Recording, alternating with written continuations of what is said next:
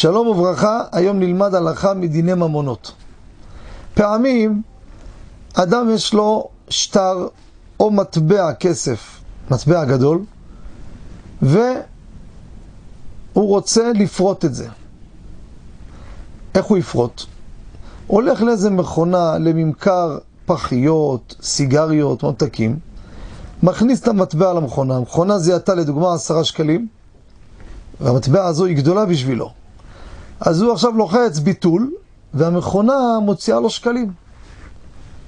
כמו כן במכשירים של ממתקים מוכרים, האם זה מותר או אסור?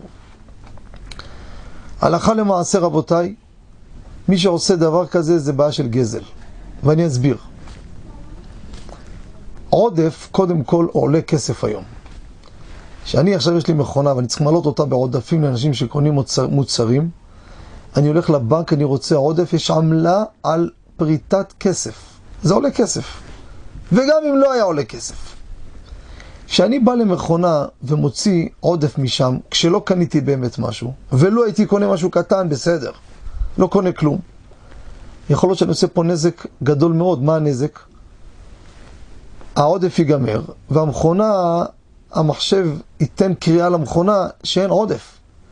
ואז לקוח, לקוח הבא שיבוא לקנות מוצר, אם הוא לא ישים בדיוק, המכונה תגיד לו, מצטערים, המכונה לא מחזירה עודף, ואז תהיה לו אפשרות או לקנות ולהפסיד את העודף מסכן, או לא לקנות בכלל. אז הוא הזיק או את הקונה או את המוכר, וכל זה על כך שאותו אדם בא ולקח עודף לעצמו. יכול להיות שזה העודף האחרון שנשאר.